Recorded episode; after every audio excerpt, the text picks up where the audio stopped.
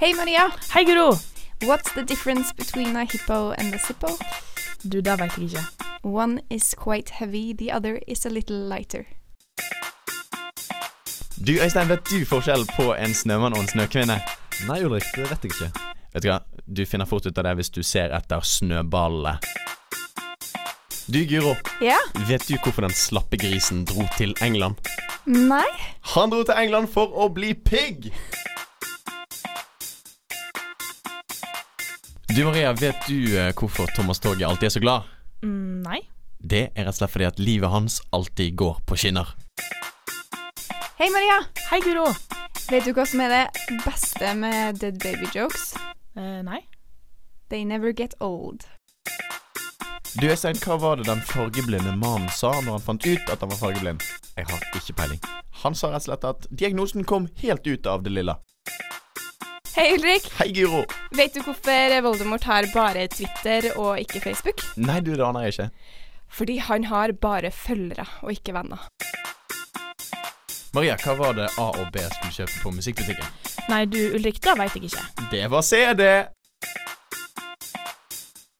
Hei, Ulrik. Hei, Guro. Vet du hvilket bær som er mest fruktbar? Det vet jeg ikke. Testikkelsbær. Du hører på Ordskiftet, et språkprogram på studentradioen i Bergen. I Bergen.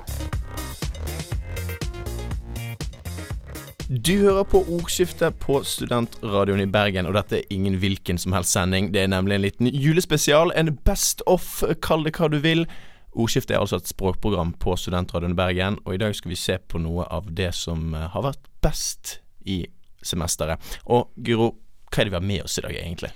Eh, først og fremst så skal vi høre på et uh, lite eksperiment vi gjorde. Eh, Ah. Ganske tidlig i høst. Mm. Ja, der vi sjekka om uh, man hører ting som ikke er der. Jeg har en liten mistanke om at uh, jeg var med på det eksperimentet. Det var og måtte, måtte være prøvekanin for, for vitenskapen der. Men vi har gjort mye mer òg, da. Og det er jo um, Vi har vært borti eh, mange konkurranser. Mm. Og eh, vi har med oss noen av de i, i dag òg, da. Ja, i dag skal vi få et eh, tilbakeblikk på den konkurransen der eh, jeg og du måtte finne på eh, navn på norske kjendiser hvis de hadde vært med i Harry Potter-bøkene. Oh, veldig, veldig bra konkurranse, sånn som jeg husker det i hvert fall. Det får vi se. Ja. Eh, og, og hva mer har vi eh, brakt med oss her? Eh, vi skal få et eh, gjenhør med eh, et klipp som Maria eh, laga, der hun eh, snakka med en språkprofessor om KJSJ-lyden. Ja, veldig eh, spennende og litt irriterende lyd eh, for mange. Og Øystein har eh, med seg en liten godbit her om stedsnavn. Ja, det stemmer. Han snakker bl.a. om de morsomste stedsnavnene i Norge.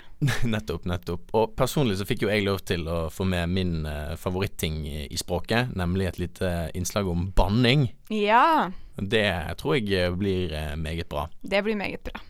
Så da kan vi vel egentlig bare kjøre i gang, tror du ikke? Da sier vi DJ Spin It.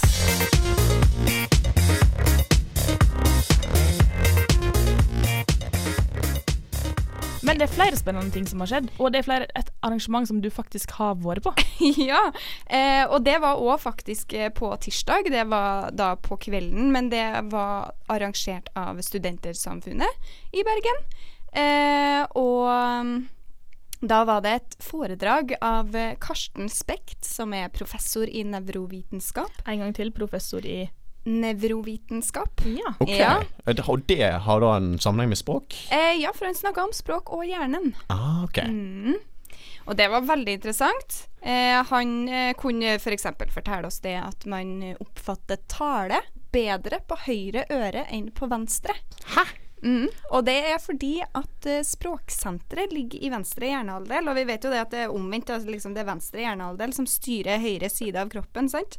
Ja, altså, vent litt nå. Altså, du hører bedre på høyre øre fordi det ligger i venstre halvdel av hjernen. Nå, Du hører ikke bedre, du Nei. hører språk Ja, okay, ok, så, ja, bare språk, språket. musikk var vel på andre? Ja, musikk var var på Det var også forskjellige ører for språk og musikk. Kan man jo begynne å snakke om språkøre. Og det var jo da Jeg var òg på dette foredraget. Eh, spoiler eh, alert, skulle jeg si. Men eh, eh, det var jo da òg fordi at det er forskjellige områder i hjernen som tar imot forskjellige ting. Ah, ok. Så derfor var jo da musikk på venstre øre, altså høyre hjernehalvdel, og språk på høyre øre, altså venstre hjernehalvdel. Mm. Og så sa han jo òg at eh, hvis en legger merke til det når en er på fest, f.eks. Så hvis, Eller uansett hvor du er der det er mye støy. ja, Ja. Uh, hvis en prøver å liksom skal høre hva naboen sier, så er det gjerne at en snur hele hodet rundt for å ha høyre, høyre øyre nærmere munnen deres, Ah. selv om det blir en veldig unaturlig sidestilling. Rett og slett fordi at det er lettere å skjønne. Eh, jeg skal i hvert fall eh, prøve å legge merke til det neste gang jeg er på fest. Det hadde vært interessant å se om det faktisk stemmer. Mm. Ja, jeg føler at uh, jeg hører ganske dårlig ofte. Jeg uh, Så kanskje jeg prøver prøve litt mer det, da. Gå litt sånn høyrevendt uh, i områder der, der det er mange folk og mye støy. Mm. kanskje det er noe jeg skal teste. Men Guri, du har jo faktisk en test til Ulrik, du. Det har jeg, og det handler om det at altså hjernen er veldig interessert i språk. Den eh, prøver å høre eller oppfatte språk eh, til og med der det ikke er det. OK. Eh, og når du hører språk, så lyser liksom hele språksenteret i hjernen opp. Det er en ganske stor del av hjernen som lyser opp da. Eh, og nå skal vi se eh, hvor om, eh, om Ulrik og våre lyttere kan høre språk der det ikke er språk. Ja, men greit, det er spennende. Jeg føler at jeg har språkøre. Uh, Ja. Høyreøre, da. eh, Ja, hver gang. Ja, ja, ja. Så da spiller vi av et lite klipp her nå, Ulrik, så kan du få fortelle oss etterpå hva det er du har hørt. ja. Ja. Det, Ble du klok på det? ja, kan si, dette høres For meg hørtes det litt sånn um, Det hørtes ut som sånn som jeg tenker meg at, uh, at romvesener vil ta kontakt med oss, da. Det Ja. høres litt ut som R2D2. Ja, Ja. ja. sant, ja det, det, det, det, det, kanskje det, det er det òg. Eh, hva vet jeg. Eh, Hørte du nok språk inni dette? det, som er, det, det som er rart, er at i utgangspunktet så er jo dette bare lyder. Men det er akkurat som om de bølgene i lydene gjør at jeg tenker at dette er noen som vil uttrykke noe. Skal vi ta og spille neste klipp, Det skal kanskje? vi. The Constitution Center is at the next stop.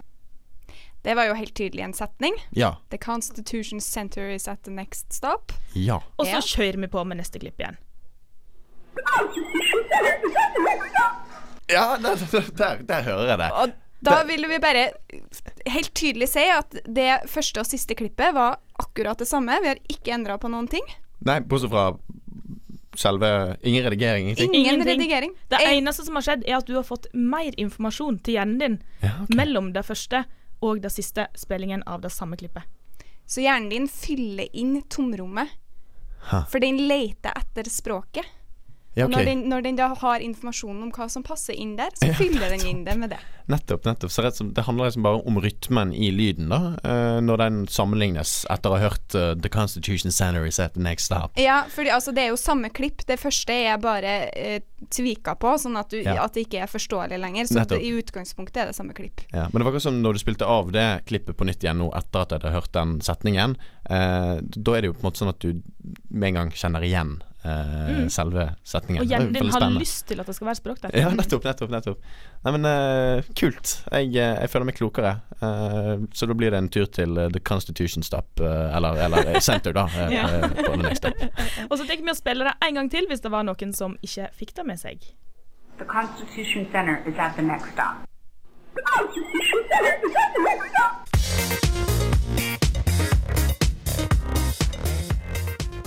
Det finnes jo mange ting man kan irritere seg over i språket, og vår kjære medarbeider Maria har tatt for seg en av de her tingene i dag. Hun har snakka med språkprofessor Gunstein Akselberg, og det skal dere få høre nå.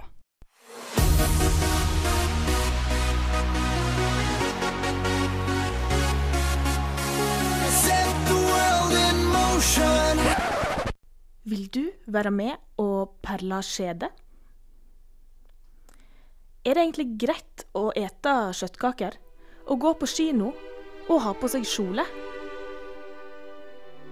Dette har det blitt skrevet og snakka masse om i Norge de senere åra. Men hvorfor det, egentlig? Jeg tror det er fordi det er en del som ikke syns dette er greit. Og likevel sier flere og flere unge kjøttkaker for kjøttkaker, kino for kino og kjole for kjole. Her er det rett og slett bare én ting å gjøre. Jeg må henvende meg til en ekspert. Jeg spør Gunstein Akselberg om tendensen der vi bytter ut KJ med SKJ-lyden, om den kan og om den bør bekjempes. Uh, den kan ikke bekjempes, og eh, den bør heller ikke bekjempes, mener jeg, da. OK, så dette var det korte svaret. Men nå skal de få høre det lange òg. For, at, eh, for det første så kan ikke den bekjempes, fordi språket det går sin egen gang. det. Både dette her og andre endringer i språket. Språket er hele tida i endring. Det er enkelte ting ved språket som endrer seg. Eh, Noe fortere enn andre ting, og så noe som er veldig stabilt og helst over lang, lang lang tid. Men dette med om det, endringer går fort eller om det går seint, og når endringene kommer, og uh, hvordan det går med endringene, det er vi lite herre over. Så øh, om vi kan bekjempe dem? Nei, jeg mener at øh, det er lite vi kan bekjempe. Men det vi kan gjøre når det gjelder det, det, det språklige, da, altså dette at vi snakker, det er sånn at vi kan si det at i denne sammenhengen her, så får du ikke lov til å si slik og sånn, og så prøver vedkommende å ta seg litt sammen. Og det vet vi blir gjort i NRK. Der er det journalister som får klar beskjed om at øh, når du er på lufta her, så får du ikke lov å blande disse lydene sammen. Men hva du gjør privat, er en helt annen ting. Og Hvis det er sånn at foreldre eller besteforeldre sier dette får ikke du lov til, ja, da kan du nesten sikker på at da er du med på å fremgjøre det. Eh, og selv om du bør, da. Eh, altså I og med at det er vanskelig å gjøre noe med det, så eh, er egentlig bør-spørs, bør-spørsmålet da, det er ikke så veldig aktuelt. Jo, det er aktuelt i de tilfellene der, i de situasjonene, at det, du kan si at nå tar du det sammen akkurat nå. For nå er du på NRK, eller nå er du i en bestemt sammenheng. Ta det sammen. Så Vel, da, kan, da, bør du uh, få det til. Men generelt å si det at uh, denne sammenblandinga mellom skinn og skinn, uh, at en bør gjøre det, nei, jeg mener ikke det. Fordi det betyr egentlig at en er med på å stoppe en språkutvikling som er naturlig, om jeg kan bruke det uttrykket. Og alle de andre trekkene i språket som vi bruker til daglig, har blitt til på denne måten. Fordi at all språkendring, det er egentlig feil. Vent litt. Hva var det han sa nå? All språklig endring er feil i forhold til det som er det vanlige, det som er tradisjonen, eller det som er formell eller uformell norm. Så derfor nei til kan og nei til bør. Mitt inntrykk er at det ofte er voksne, gjerne eldre mennesker, som slår hardt ned på denne tendensen. De prøver å lære opp barn og unge til eh, korrekt uttale. Men skal en egentlig komme med rødblyanten og rette og korrigere til ungen endrer seg? Eller er det sånn at språkets ibuende krefter er sterkere enn foreldre og lærere til sammen? Jeg har spurt språkprofessor Gunstein Akselberg om hvorfor vi blir så oppskaka når det skjer endringer i språket vårt. Det som er interessant med språket, det er at folk blir så eh, emosjonelt engasjert når det gjelder språkspørsmål. Fordi at eh, det som veldig fort dukker opp, og det gjelder både tale og skrift, det er hva som er korrekt, hva som er rett. Og eh, språkbrukere de er veldig opptatt av hva som er rett måte å si en ting på, altså rett uttale. Hva som er rett bruk, hva som er rett tying, hva som er rett skrivemåte, hva som er rett eh, historisk bakgrunn, hva som er rett etymologi. Han er veldig opptatt av hva som er rett, og hva som er gale. Og da fins det en eller annen sånn uformell eh, forståing av ei norm, og nå tenker jeg på talemålet. Fordi at Når det gjelder skriftmålet, så har vi helt klare retningslinjer. Men når det gjelder talemålet, så er ikke det sånne offentlige normer. Det vil si, det fins enkelte som mener det at det, det er noen normer. Vi skal snakke tydelig, vi skal snakke klart, vi skal snakke presis. Og det med tanke på artikulasjon. At vi blir forstått. At det er tydelig det vi sier. Og det andre er da bruk av ord. At vi bruker ordene slik som de skal være. Og hva er nå det, da? Jo, det er det vi kan finne i ordbok. Sånn, sånn det ordet det betyr det. Nå sier du feil.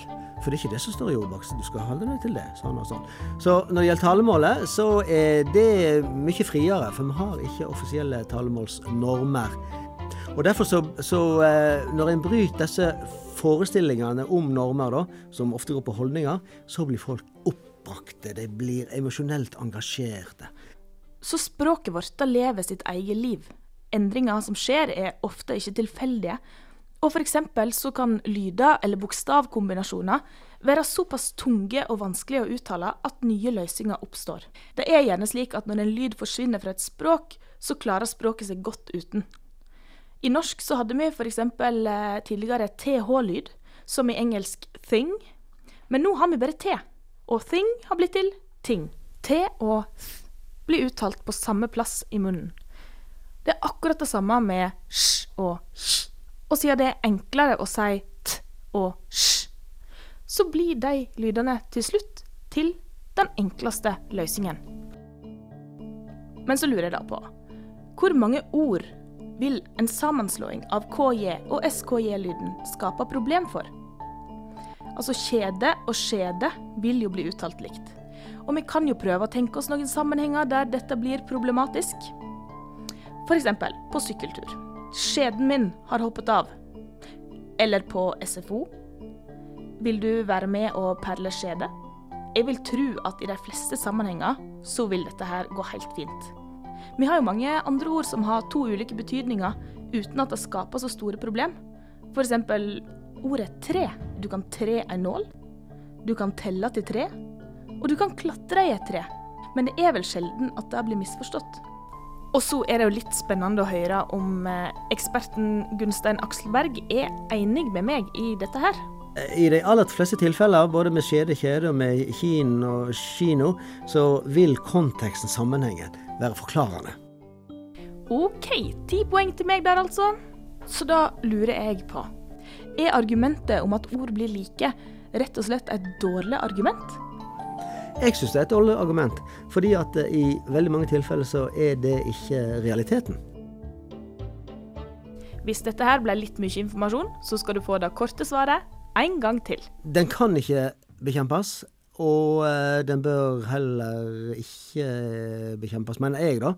Og til de av dere som fortsatt kommer til å gå rundt og irritere dere, så vil jeg gjerne avslutte dette med en sang som heter Life Goes On. L-I-F-E-G-O-E-S-O-N What you don't have now will come back again You got heart And you go in your own way L-I-F-E-G-O-E-S-O-N Got more than money and sense My friend, you got heart. And you go in your own way L-I-F-E-G-O-E-S-O-N What you don't have now will come back again You got heart. And you go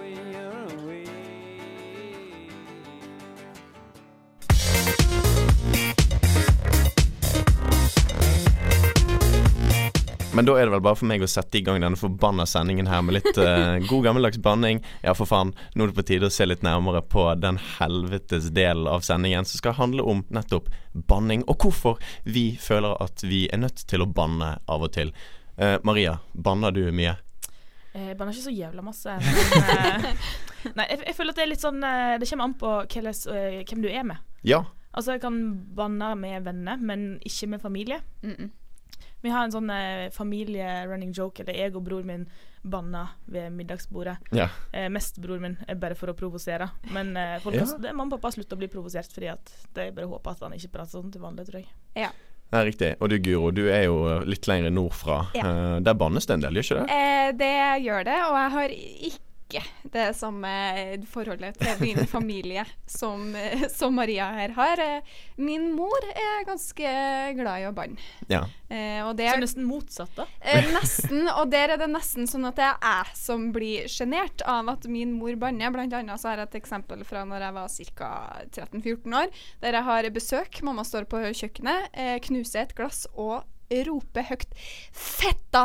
Oi sann. Ja. Ja. Ja, Det tror ikke mine foreldre kunne Nei. funnet på å sagt. Det er sikkert fordi at de ikke er fra uh, Trondheim. Uh, men, eller Namsos. Ja. Um, men Men, altså men i Bergen, er ulik? Jo, altså jeg, jeg føler jo at uh, bergensere er jo kjent for å være litt sånn um, brøytende um, Ikke at jeg kjenner meg igjen i det, men, uh, men uh, at uh, Jo da, det bannes jevnt og trutt uh, her uh, i, uh, i Vestlandets hovedstad. Men eh, banning er jo ikke nødvendigvis bare negativt. Altså, det brukes jo um, som en form for å ja, rett og slett uh, kvitte seg litt med, med en, en følelse du har bygget opp inni deg. Altså Det kan være alt mulig. Sant? Det kan sammenlignes med sånn som man bruker hornet på en bil. Det kan være for å uttrykke eh, at du er sint eller frustrert eh, over de andre som er i trafikken. Eh, men det kan også være bare sånn å du kjører forbi noen du kjenner, så tyter du litt og sier sånn Hei, det var gøy. Ja, så det kan være positivt Det også, var på en positivt. Eh, for det at eh, vi bruker jo eksempel kunne jeg sagt at Å, det var forbanna bra. Ja, altså det er sånn forsterkende uttrykk. Det blir et superlativ, rett og slett. Det blir forbanna bra. Det er jo veldig bra. Eh, og, og det er det som er litt interessant med, med banning, da. At eh, de har forsket en del på det. Uh, F.eks. i sammenheng med smerte, og hvordan vi håndterer smerte.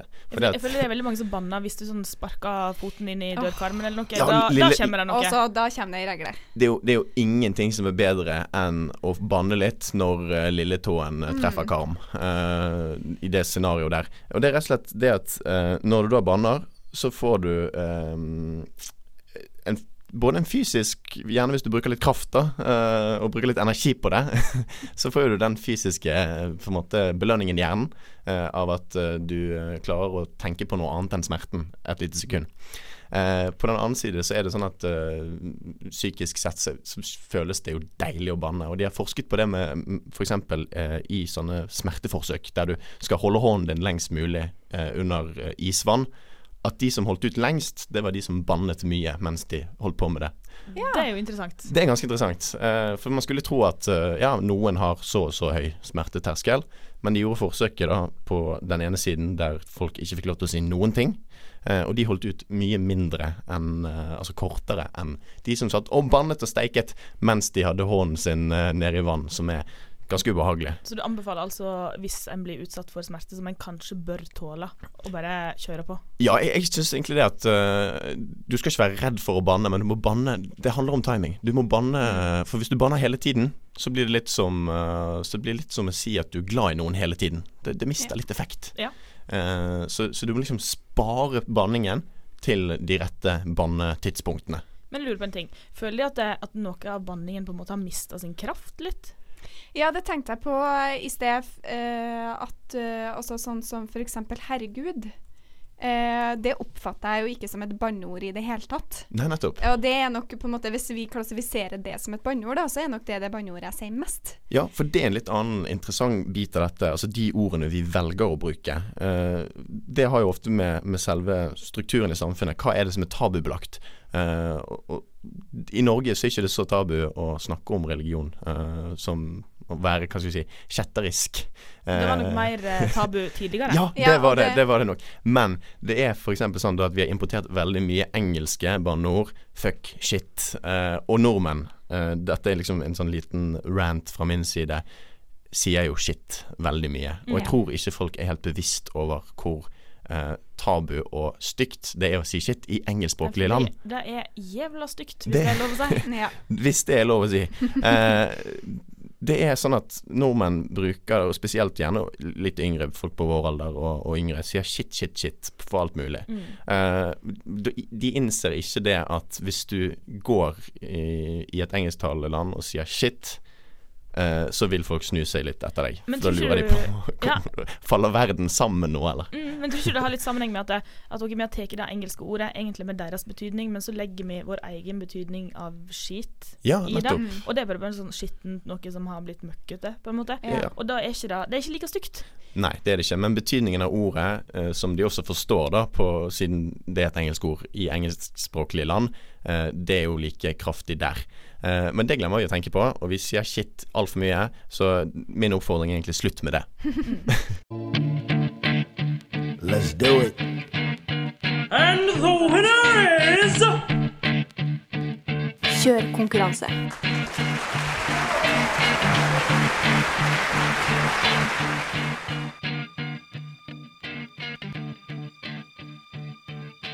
Da er det klart for konkurranse her på Ordskiftet. Og som nevnt så skal vi videre på Harry Potter-tema. For der har jo navnene ofte betydning, både i lyder og i valg av eh, ord og orddeler. Så tenkte jeg at eh, Guro og Ulrik skulle få lov til å gi noen norske kjendiser navn som har litt sånn Harry Potter-klingende vibe. Mm. Og den aller første jeg tenkte vi skulle ta, det er altså eh, Erna Solberg. Ja. Ja. Guro, du kan få begynne. Ja, eh, Erna Solberg har jeg eh, valgt å kalle Irma Malmberg. Ja. Oi. Ja. Eh, egentlig så vil jeg at eh, Ulrik skal si det. Irma Malmberg. Ja, for det er så mye finere med skarre her. Mm. Ja. Så det er liksom sånn, altså malm, eh, grunnbestanden når man skal utvinne jern. Jern-Erna. Jern-Erna. ja, akkurat. Ja. det, det her er jo hele poenget. Ulrik skjønte greia. Ja. Sterkt. Sterkt. Det er Eh, bra, Guro. Pluss at uh, Irma betyr høy eller mektig. Ja. Oi, oi, du har virkelig gått i, i dybden her. Du er spent på hva du har kommet med, Nei, altså, jeg gikk jo for en litt enklere løsning, da, kan du si. Uh, eh, jeg valgte også å ha litt sånn politisk satire i navnet mitt. Eh, så Erna Solberg på mitt eh, språk, eller min bokoversettelse, det blir eh, 'Fjerna blåklatt'. Du har gått i en helt annen retning. Jeg har, jeg har det. Jeg Hva har du det. tenkt, Ulrik? Eh, her har jeg jo lekt først litt med, med navnet Erna. Uh, og så har jeg på en måte gjort det til Fjerna. Kanskje litt sånn politisk at man ikke helt sier det eh, ting rett frem, men at man pakker det inn litt. Litt fjernt. Eh, og så blåklatt da for fargen til eh, Høyre sin logo. Altså det blå, de blå partiene, det er Høyre. Så Fjerna blåklatt, det er min Erna Stem på Fjerna. Stem på Fjerna. Ja, men her, er, her har vi to gode eksempel, men eh, i litt forskjellig retning, så jeg har lyst til å gå videre til neste person. Eh, og det er da Jon Almås. Ja, da kan Ulrik eh, få starte, tenker jeg. Ja, Jon Almås. Da så jeg egentlig for meg eh, Jeg tror det er et ansikt og en figur som mange ser for seg i hodet sitt. Eh, Så hos meg så ble Jon Almås uh, Jupilus Smalås. Ja, sånn, jeg, får med en gang sånn assosiasjoner til jypling. Ja, altså han er Det er litt sånn der, sant. Altså, han, er- jo en, en morsom komiker og programleder, men han er jo også en Hva skal jeg si lang, tynn ting. Han er en høy, smal fyr. Uh, så da blir det Jupli... Juliplus. Juplius. Juplius Smalås. Ja. Så det, det var min eh, Veldig flott. Uh, Guro, din tur. Eh, det er altså gått i en litt annen retning, kanskje. Eh, Jon Almaas til meg heter Albert Fredrik von Schøyer. Det vil jeg si var en litt annen Å, retning. ja. von Skøya! Ja. Moroklump. Eh, Moroklump. Jeg oppfatter Jon Almås som litt sånn upper class. Ja, det han er Påvirka bare- av side om side, eller bare generelt? Ja, litt påvirka av side om side, helt sikkert, men også litt sånn, sånn i hvert fall på nytt på nytt. Han er liksom Han er Bærumsgutt. ja, Det er han. Ja, akkurat. Eh, så da er altså Albert betyr adelig, og i Fredrik så har du jo rik, og begge to er litt sånn upper class navn. Og så er det jo Fond er jo liksom òg sånn upper class-greie. Mm. Eh, og så har du jo Skøyere, da, som skrives med SCH, men selvfølgelig er liksom et Skøyer. Moromann. Skøyer. Ja. Mm. Høytysk avstamning. Igjen to veldig gode forslag, men vi kjører rett videre på eh, neste. Og da vil jeg ha Anna Rasmussen, bedre kjent som mamma til Michelle. Ja, der har jeg gått for uh, Jeg har tydd til biologien Ja. uh, for å komme opp med et navn. Så mamma til Michelle, som jeg eh, kjenner hun som, Mm. det blir da Mikkan Melkespreng. Eh, rett og slett fordi at eh, Ja, det er to ting som eh, Mikkan Kanskje et kallenavn for, for Michelle, eller eh, Ja. noe sånt. Mm. Eh, og så melkespreng da som et resultat av eh, graviditet. da Ja. Ja. Flere graviditeter. ja, ja, ja. Mm. Guro, da? Um, det Mitt navn er Klara Klikkebeite. Og det Der har jeg jo da altså bokstavrim. Veldig bra. Ja. Eh, og så har jeg brukt eh, valgt jeg Klara pga. Klara Klok. Altså litt sånn Mm. eh, intim sex, altså litt sånne Ja, ting. tør å bevege seg i det området? Ja. Mm. Eh, og klikkebeite, kanskje litt selvforklarende. Ja, for alle som kan engelsk. Clickbait. Ja. ja. Mm. Mm. Hun er jo kjent for, for sine clickbait-overskrifter. Igjen så går det i to helt forskjellige retninger, samtidig så funker begge veldig Ja, bra. ja, ja. Vi tar en til. Da har vi da hun Sylvi Listhaug. Aha. Ja. Eh, hun har jeg valgt å kalle Kirsten Jesabel Hufsnes. Oi. Her, her var det mye, Guro. Ja. Eh, Kirsten er jo, betyr jo kristen. Ja. ja. eh, Jesabel er en eh, ikke så veldig hyggelig eh, figur fra Bibelen. OK. Eh, hun var Så det er ikke Jesus du spiller på? Nei, Nei. nei, nei. Det er Hun eh, tilba en jævel og ville liksom omvende alle til sin tro. Oi. Eh, og hennes navn er i, liksom, i jødisk-kristen tradisjon assosiert med eh, falske profeter og tvilsomme kvinner. Hmm. Ja. Og Hufsnes eh, Hufs fordi at eh, litt, litt sånn kaldt gufs. Og, Hufsa fra og Mummitrollet. Huf- Ja, og Hufsa. Eh, og så Nes fordi at det liksom er, det er sånn norsk. Ja. Hufsnes. ja, hun er jo litt sånn norsk. Ja. Mm. Mm. Og Ulrik, da? Jeg har tatt meg veldig kunstneriske friheter her, ehm, så jeg har kalt Sylvi Listhaug for Slufrid Vrang. Ja. Uh, ja. Får vi en dypere forklaring på det? Ja, altså, du jeg syns hun er litt slu, og jeg, jeg syns hun er litt vrang òg. det er egentlig de to tingene jeg kom på når jeg tenkte på Sylvi Lysthaug, så da ble det Slufrid Vrang. Uh, ikke noe dypere forklaring enn det, egentlig. Altså. Det, Helt til slutt så tar vi en uh, rask sistemann. Ja. Da tar vi Hallgeir Kvadsheim. Hallgeir Kvadsheim, kjent fra eh, Luksusfellen Yes. eh, som økonom. Eh, han har jeg kalt da Hallgus F Pengepung. eh, og da står F-en i Halgus F Pengepung for Halgus forfallsdato Pengepung. Så han, han er da Det, det føler jeg innen, innenfor eh, at jeg beholder eh, fornavnet, fornavnet. Gjør det litt om. Eh, og så har jeg med både forfallsdato og pengepung. Og det er der jeg føler at han eh, Har noe å komme med. Ja, har noe å komme med. Mm. Guru, da? Eh, han har jeg kalt eh, Skallagrim Skilling. Fordi han er skalla. ingen forklaring trengs Nei. for han, faktisk. Jeg skal ta og tenke litt på dette her, og så skal vi kåre en vinner senere i sendingen. Og en av dere kommer til å få straff.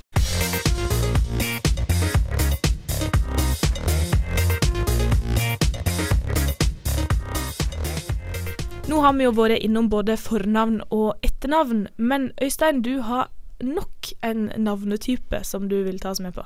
Ja, det er da stedsnavn. Det er kanskje litt vanskelig å skille imellom steds- og pass, eller etternavn, for det er ofte glir inn i hverandre i Norge, norsk. Men det, allikevel, det kan allikevel si at det, selv om du har et stedsnavn som etternavn, så allikevel et, steds, et stedsnavn er jo fremdeles et stedsnavn. Absolutt. Ja, og i Norge så pleier en veldig ofte å blande disse her to. At det er ofte en, et sammensett ord. Ofte er det av at det siste delen av ordet er da eh, en, et geografisk merke. Sånn ei, et nes, ei bru, fjord, anger, eh, bruk, slette, dal, fjell. Og så er det kanskje forrige delen at det er et adjektiv. Svart foss eller Djupedal eller Svidal eller Svedal i ditt tilfelle. Eller, Ja. ja. Så det er typisk eh, med norsk navnetradisjon. Mm. At det er en kombinasjon. da. Ja, dette er stort sett veldig mye kombinasjoner. Så finner nok, noen kombinasjoner finner en jo nesten over hele Norge. Typisk høyland. At det er et land der du kan ha mye høy, ikke høy, men at det er mye høy der. Oh. Så høyland finner du mer eller mindre i alle fylker. Ja, du har.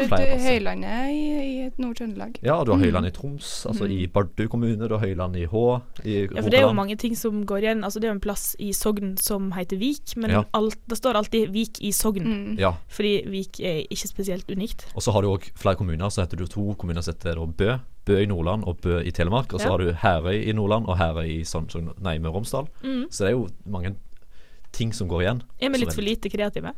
Ja, det vil jeg si. Spesielt Ødegård. Det er jo sånn som personnavn, men òg som stedsnavn. Mm. Går veldig igjen.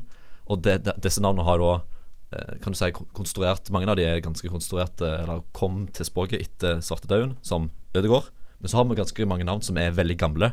Over 2000, kanskje fra steinalderen til og med. Typisk for sånne plasser der folk har bodd lenge, sånn som der jeg kommer fra. Så har vi navn som heter Madla, Hinna, Sandnes. De navn er på en måte eh, snakker om at det er over 2000 år gamle. Men, Ja. men hvis jeg kommer fra en gard som heter Ødegård, Mm. og så er det sånn ah, det er dritlame fordi nabogarden òg heter Ødegård, kanskje Ja. bare skrevet på en litt annen måte, kan jeg gi et nytt navn til garden min da? Nei, du kan faktisk ikke det. Ikke hvis det er nedarva. Så kan du på en måte egentlig ikke gjøre det, for at det har en navnelov som gjelder stedsnavn òg. Men det kom forslag om det i alle fall ved regjeringsskiftet i 2013. Jeg er litt usikker om det blir gjennomslag for det. Litt, sitter med litt lite eh, si, oppdatert informasjon. Men det kom i alle fall forslag om at en skulle gjøre det lov å eh, At eh, hvis du bodde på en gard som hadde et navn, at du skulle ta i bruk bruksnavnet som gardsnavn. Det betyr at eh, hvis du har bodd en plass et- Hvis garden din heter Ødegård, men så heter du sjøl Svedal Tenker du jeg har lyst til at min gard skal hete Svedal, så hadde mange lyst Var det politisk ønske om å bytte, ta vekk gardsnavnet. Ja. Men det er jo på en måte litt eh, respektløst overfor kulturarven, kan vi Ja. si. Ja, og his historien Ja. til dem som har bodd der før, og ja. Absolutt. ja det Men det gjør jo nordmenn veldig mye, spesielt i fornorskningspolitikken. Så har det jo, er det jo, finner mange fjell og daler oppe i Troms og Finnmark som har samiske navn. Men så har en tendens til å da At det bare, bare tar, får nye navn på det. Ja. At du har masse sånn eh, Ala eh, er, jo, er et, et ord som betyr fjell, og så har du forskjellige Nå er jeg litt us usikker på hva de heter, disse eh, fjellene, men de, ofte så het, får de helt nye, nye navn med Spanstind eller eh, Storfjell eller Høytopp. eh, Bare nye norske navn. Mm. Men det som er litt morsomt, er at de mest ekstreme toppene i Troms og Finnmark, de har fremdeles samiske navn. Ja. Som, som vitner om at det, det har ikke noe med en våget å være ennå. Nei.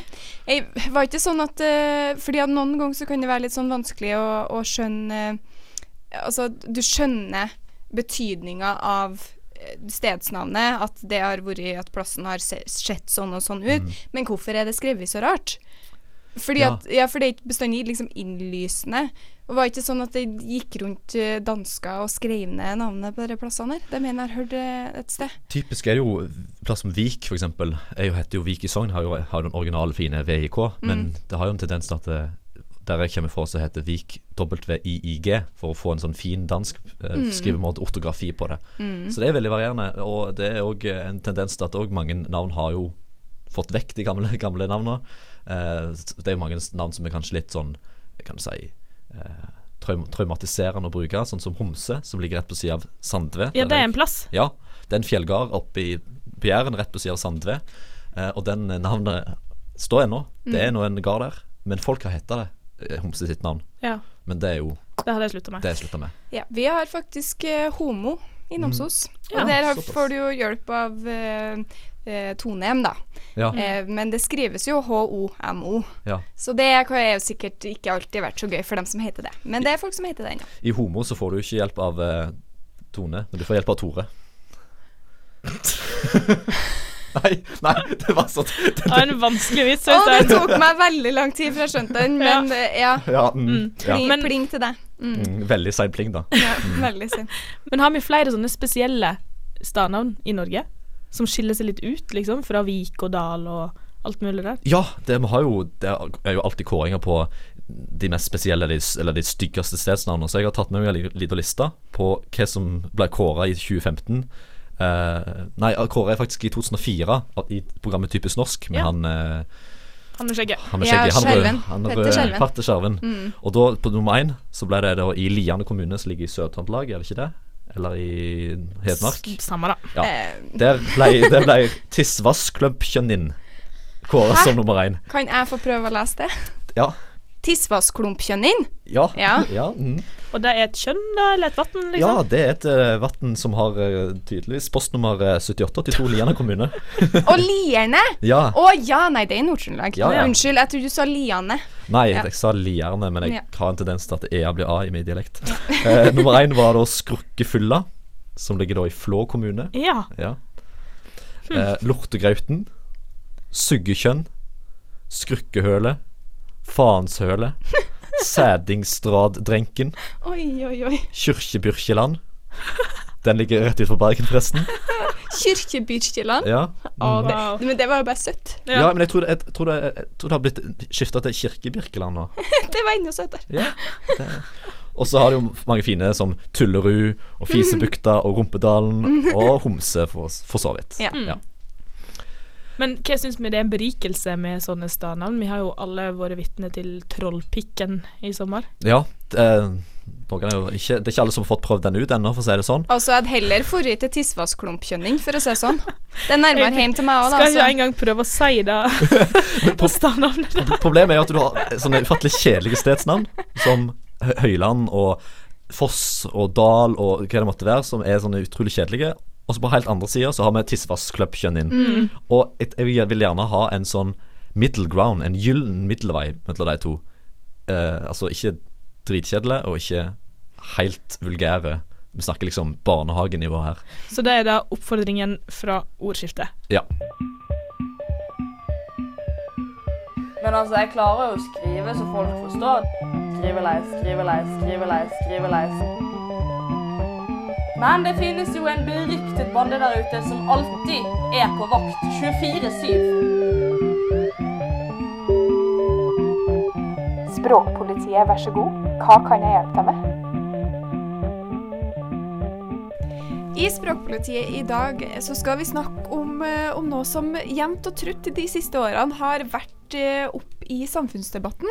Og det siste nå er ordet indianer. Ja. Som eh, Store norske leksikon da har bestemt seg for å ta bort, rett og slett. Det skal ikke hete indianer lenger.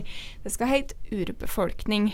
Ja. Ja, og, og det her kommer jo også i kjølvannet av at uh, finansminister Siv Jensen uh, bestemte seg for å gå utkledd som en indianer på en, uh, en firmafest, hvis man Ja, kan kalle det det. Ja, Det har sammenheng, altså.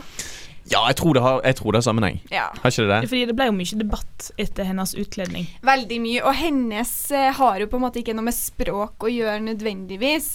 Eh, men nå har altså debatten kommet om om det er greit å si indianer. Ja. Ja. Etter eh, det har vært eh, flere debatter om lignende ting. eh, eh, homo Ja. Alle, alle, alle sånne ord som egentlig handler om minoriteter som er litt belasta. Ja. Ja. Og jeg, det som jeg tenker med en gang når, når den debatten kommer opp om indianer, så begynner jeg å tenke sånn OK, hva, hva blir mest riktig? Er det på en, på en måte historisk språklig eh, korrekt å si indianer at det har vært et ord som har oppstått, eh, og som Jeg har sett flere innlegg fra eh, de som da er fra en urbefolkning, altså amerikansk urbefolkning, som uttaler seg om at de også er vant med at indianer i norsk brukes som det, og de har egentlig ikke en veldig negativ ladning fra deres perspektiv. Samtidig så er det jo sikkert mange som føler at det er negativt, og at det er eh, veldig sånn marginaliserende, samler alle i ett, eh, og refererer til historien der på en måte eh, europeere kom til, til Amerika og gjorde de til slavene sine.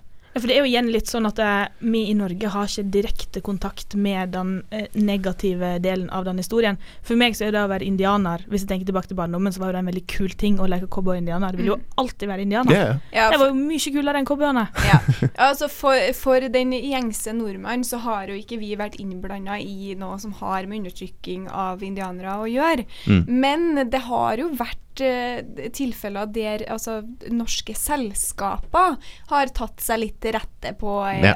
altså, deres landområder og sånne ting. Mm. Så vi er, altså, vi er ikke helt uskyldige heller, men har jo så klart ikke helt den samme historien som amerikanerne har.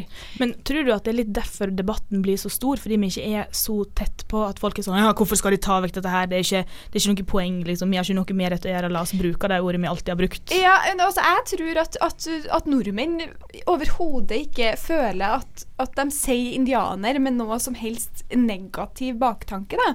At, at, at ordet betyr ikke noe negativt for dem. Det betyr altså eh, tvert imot noe positivt. Sånn som Mhm. du snakka om, at man har liksom leka indianer og Mm. sett opp til Pocahontas og, og sånne type ting. Og da blir det jo veldig merkelig å skulle liksom si at nei, det ordet er ikke lov til å si lenger. Men også, også altså, i USA så går de til ekstreme lengder når det kommer til å nøytralisere språket sitt 100 eh, Jeg har sett siste nå, det er at uh, man skal ikke si 'Christmas three'. Nei, unnskyld.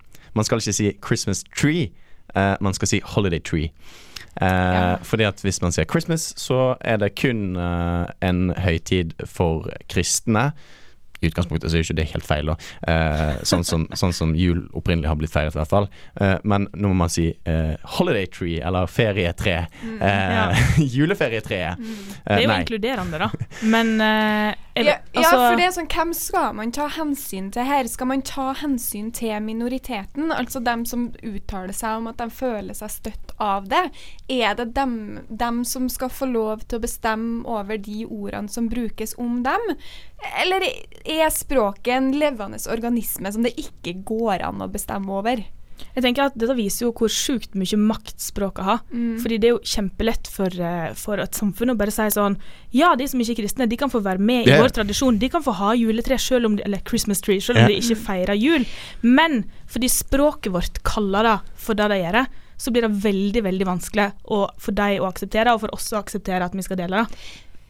Ja, jeg, altså, for jeg, jeg syns det er veldig vanskelig. Jeg liksom, liksom syns det er veldig gode argumenter på hver side. Fordi at det er sånn som du sier, Maria, at det viser en velvilje. Eh, men samtidig så er det sånn Tror du at hvis vi hadde slutta å si neger, så hadde rasisme forsvunnet? Altså, det er jo det vi prøver å slutte med. da. Ja. Altså At en, at en uh, gjør alt en kan for å slutte å bruke disse ordene. Samtidig så, akkurat med uh, det ordet, så syns jeg det er Jeg skjønner godt hvorfor vi har flytta dem ut, men jeg syns det er vanskelig å eh, skulle eh, velge et annet ord som er dekkende, Ja. hvis du skjønner. Ja, altså, jeg, jeg, jeg, tror det, jeg tror det er mange eh, gode ting som skjer med, med det at man velger bort uh, stigmatiserende og, og, og um, negativt ladde ord fra språket, men samtidig så, så uh, er det sånn at eh, språket vanligvis er dannet av ofte historiske begivenheter, sånn som når man oppdaget Amerika og trodde man kom til India, Mhm. eh, og dermed ble det da indianere. Eh, spørsmålet er, og det må det alltid være, hva føler de som eh, blir definert av begrepet om begrepet. Eh, og jeg tror vi må rette oss deretter, men jeg er ikke alltid enig i at eh, det nødvendigvis gagner eh, samfunnet.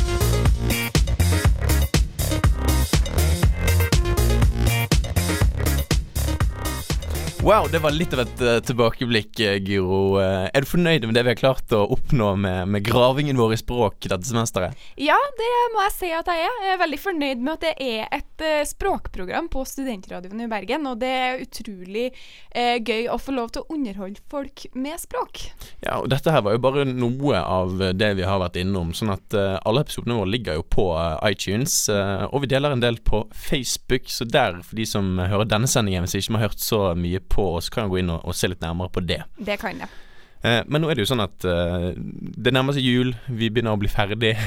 Ja, vi tar en eh, liten juleferie nå, men så er vi sterkt tilbake etter jul. Og da er jo ikke du med lenger, Ulrik. Dessverre er jo ikke jeg det. Både meg og Øystein som har vært med dette semesteret, vi skal på en såkalt utveksling, eller en dannelsesreise, hvis du er kongelig. Eh, sånn at eh, da må du og Marie rett og slett finne dere noen nye eh, rekrutter som kan komme inn her i ordskiftet. Ja, vi er godt i gang med den prosessen, så vi gir oss ikke. Vi kommer tilbake etter jul med eh, nye finurligheter i språket. Jeg gleder meg i hvert fall til å følge med videre. Og helt avslutningsvis, da. eh, her i ordskiftet så er det jo eh, ofte at vi får en straff hvis vi har tapt konkurranser. Kan ikke du fortelle litt om hva som skal skje nå? Jo, eh, det vi skal få høre nå er eh, en liten medley, hvis vi kan kalle det det, av eh, de beste, eller dårligste kanskje, straffene som har blitt gjennomført her på ordskiftet. Og det har vært ganske mange, folkens, så eh, her kommer eh, de beste straffene, eller verste straffene, som vi har fått oppleve i ordskiftet semesteret 2017. God jul. God jul. Du har nettopp hørt på en podkast eller radiosending av Ordskiftet. I studio var eh, Maria, Øystein, og Guro og Ulrik som formidla interessante temaer rundt språklige finurligheter. Hør oss på Studentradioen i Bergen hver uke fremover. Det var Ordskiftet. Ja, ja, allihopa. Då, då vill jag gärna tacka för den trevliga sändningen vi har hatt her tillsammans. Eh, takk for at du lyssnat og så må du lasta oss ner på, på eh, iTunes. Ja, på podcast. Ja, må kasta den her. Ja, och så, och så talas vi om en vecka. Hej då! Tusen takk, eh, sjø. Du har vært så heldig å hørt på Studentradioen og Ordskiftet med Ulrik, Guro og Øystein. Eh, Vi takker for at du lytta på, og vi snakkes neste gang, sjø. Da vil jeg bare si tusen takk for at dere hørte på. Eh, vi er Ordskiftet på Studentradioen i Bergen. Takk for oss. Og nå, kjære lytter, vil jeg meget gjerne takke for dagens sending, og så må I sende oss øh, spørgsmål på Facebook, og skifte et språkprogram på Studentradioen i Bergen. Vi ses om en uke. Tusen takk for at du har hørt på Ordskiftet her på Studentradioen i Bergen. Du må gi oss en like på Facebook, og øh, så snakkes vi om ei uke. Takk for at du hørte på ordskiftet på Studentradioen i Bergen. Dette var en knallert av en sending med innhold om språk. I studio var Maria Svedal, Guro Vågan og Ulrik Øyan Jonsson. Så må du huske å gi oss fem stjerner på iTunes, da. Ikke sant? Takk så lenge. Ha det bra. Du har hørt på ordskiftet i Studentradioen i Bergen. Husk å gi oss fem stjerner på iTunes. Lik oss på Facebook, og så snakkes vi seinere. Takk for at du hørte på Ordskiftet, et språkprogram i Studentradioen i Bergen. Husk å gi oss fem stjerner på iTunes, lik oss på Facebook, og så prates vi en annen gang. Hei da. Du hørte, du hørte på ordskiftet på Studentradioen i Bergen. Et språkprogram som tok for seg litt forskjellige dialekter. Vi ses neste uke med nye spennende ord. Du hører på Ordskiftet, et språkprogram på Studentradioen i Bergen. I Bergen.